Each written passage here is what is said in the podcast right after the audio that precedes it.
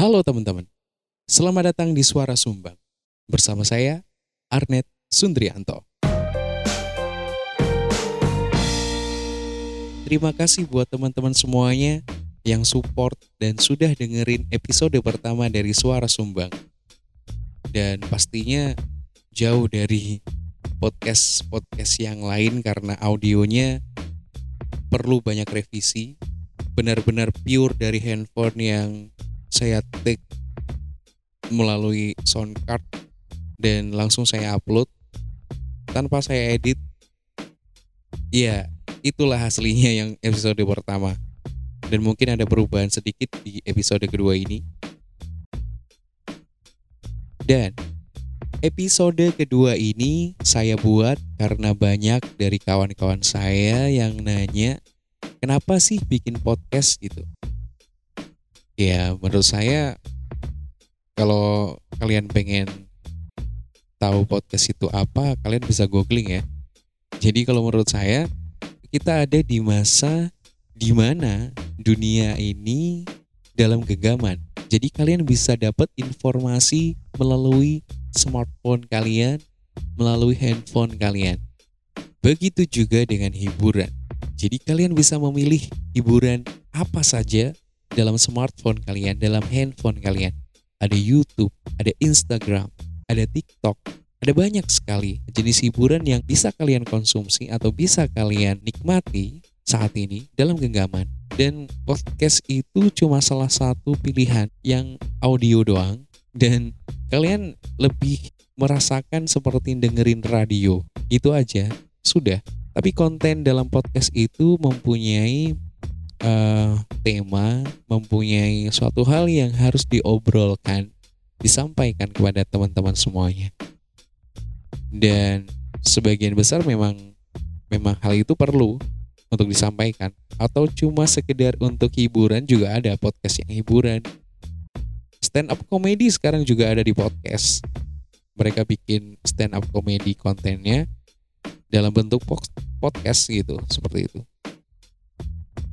dan podcast juga ada konten-konten edukasi tips cerita horor dan lain sebagainya seperti apa ya podcast ini seperti sesuatu yang baru dengan rasa yang lama. Kenapa saya sebut sesuatu yang baru tapi mempunyai rasa yang lama? Karena eh, podcast ini baru saja naik tahun 2016-an atau 2015-an ke atas lah. Padahal podcast itu sudah ada di tahun 2008. 2008-an itu sudah ada tapi uh, menurut pengetahuan saya podcast itu ada di iPod. Jadi produk iPhone waktu itu mengeluarkan iPod dan namanya podcast. iPod broadcast. Jadi kalian bisa dengerin siaran seperti ini, seperti radio layaknya, di mana saja tanpa keterbatasan jaringan di area lokal. Karena podcast ini menggunakan internet untuk menikmatinya atau untuk mendengarkannya. Kadang-kadang seperti ini, ketika kalian dengerin radio, tiba-tiba stasiun radio itu memutarkan lagu yang kalian gak suka, gitu kan? mau nggak mau kalian harus dengerin dong atau kalian pindah channel dan pindah channel pun belum tentu kalian juga suka dengan dengan channel radio yang sebelah gitu loh mungkin itu sedikit perbedaan antara podcast dan radio dari segi cara kita untuk menikmatinya biasanya juga orang-orang tertentu dalam tanda kutip ya mereka tidak menyukai uh, siaran yang terlalu banyak lagunya atau terlalu banyak iklannya jadi mereka lebih memilih untuk mendengarkan podcast karena podcast itu ketika kalian mendengarkan konten yang edukasi. Jadi kalian ngikutin terus edukasi yang kayak gimana nih? Besok ada lagi nggak? Besok ada lagi nggak? Biasanya kan per episode gitu loh. Jadi kalian bisa ngikutin terus alurnya tanpa terjeda. Jadi terus uh, mendapatkan sebuah informasi yang bisa kalian gunakan atau bermanfaat untuk kalian. Mungkin kalian banyak yang nanya, emang siapa sih yang mau dengerin podcast gitu loh? Orang sama kok kayak radio gitu.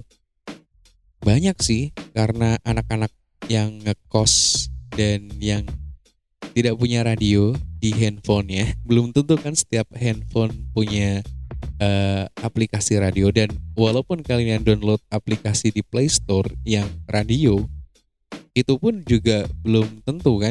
Kalian harus cari-cari dulu. Maksudnya kalian harus cari-cari dulu stasiun radio yang cocok buat kalian. Dan itu memakan waktu yang lama gitu loh. Ketika kalian udah tahu podcast kalian bisa langsung browsing uh, podcast yang kayak gimana sih uh, banyak sekali segmennya. Banyak sekali segmennya. Jadi kalian bisa cari podcast yang cerita horor kah? Podcast yang edukasi tentang parenting kah? Tentang cerita kuliah kah? Apakah semuanya ada gitu. Semuanya ada. Kalian bisa dapetin konten-konten podcast di banyak. Spotify ada. Di di YouTube di Google Podcast juga ada. Dan kadang-kadang kan ada orang yang butuh temen ngobrol gitu kan. Dan tidak ada orang lain di dalam kamar itu ya dia dengerin radio. Saya adalah tipikal orang yang seperti itu dulu. Jadi kalau saya di kosan saya gabut ya saya dengerin radio. Hanya sekedar untuk temen biar ada suara aja. Radionya juga belum tentu saya dengerin itu mungkin ada lagi yang biasanya mendengarkan podcast adalah pengendara mobil yang ketika di luar kota radionya nggak cocok dengan dia gitu loh. Biasanya nih perjalanan dari Jabodetabek tiba-tiba memasuki Jawa Tengah, Jawa Timur.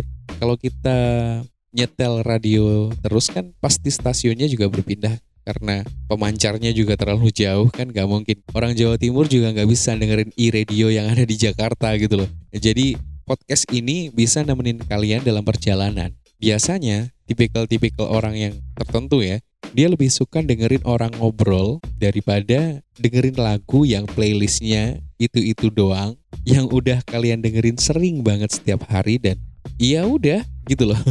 biasanya terkena macet, terus kalau orang buru-buru nggak mungkin dong dengerin podcast ya kan.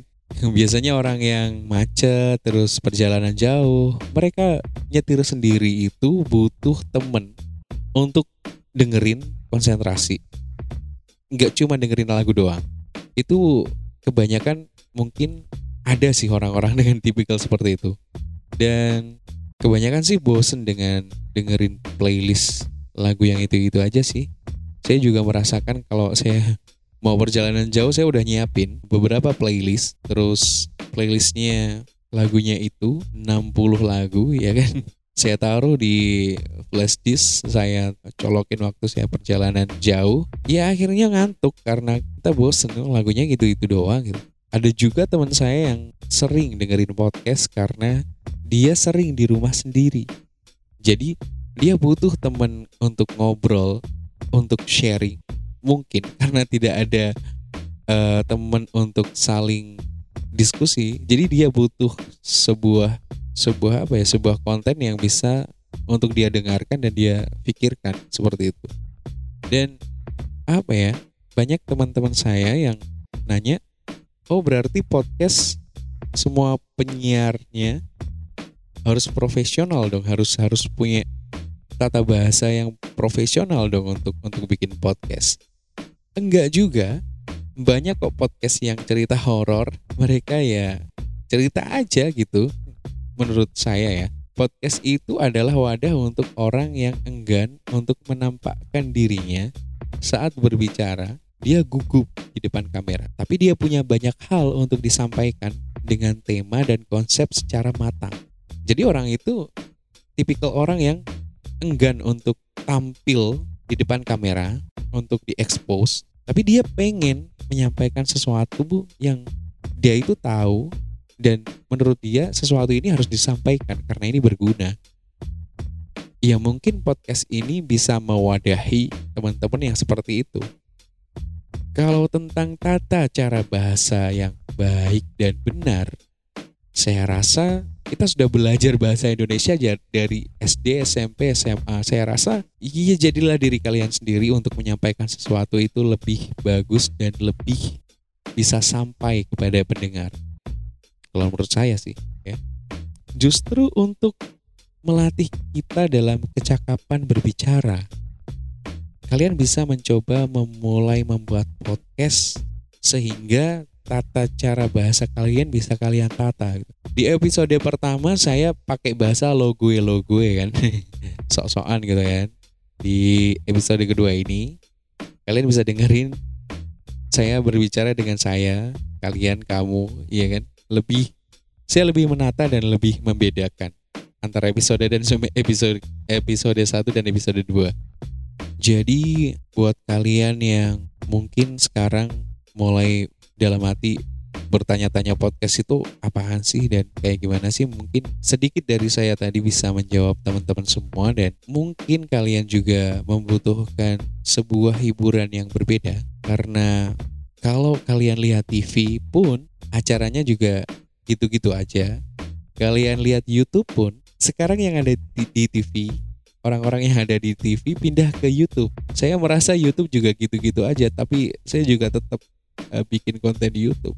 Dan konten podcast ini saya rasa nggak semua nggak semua orang tahu tentang podcast dan penikmatnya juga punya segmen tersendiri. Jadi buat teman-teman yang mau memulai mulai aja dulu. Kalau kalian nanti ada suatu kendala atau kayaknya kayaknya episode pertama saya nggak begitu bagus deh. Ya udah kalian evaluasi kalian bikin lagi gitu. Tidak ada salahnya untuk berbagi, tidak ada salahnya untuk memulai. Terima kasih sudah mendengarkan suara sumbang dari saya. Saya rasa sudah cukup. Mungkin kita bisa sambung di episode berikutnya. Saya Arnet Sundrianto. Sampai jumpa.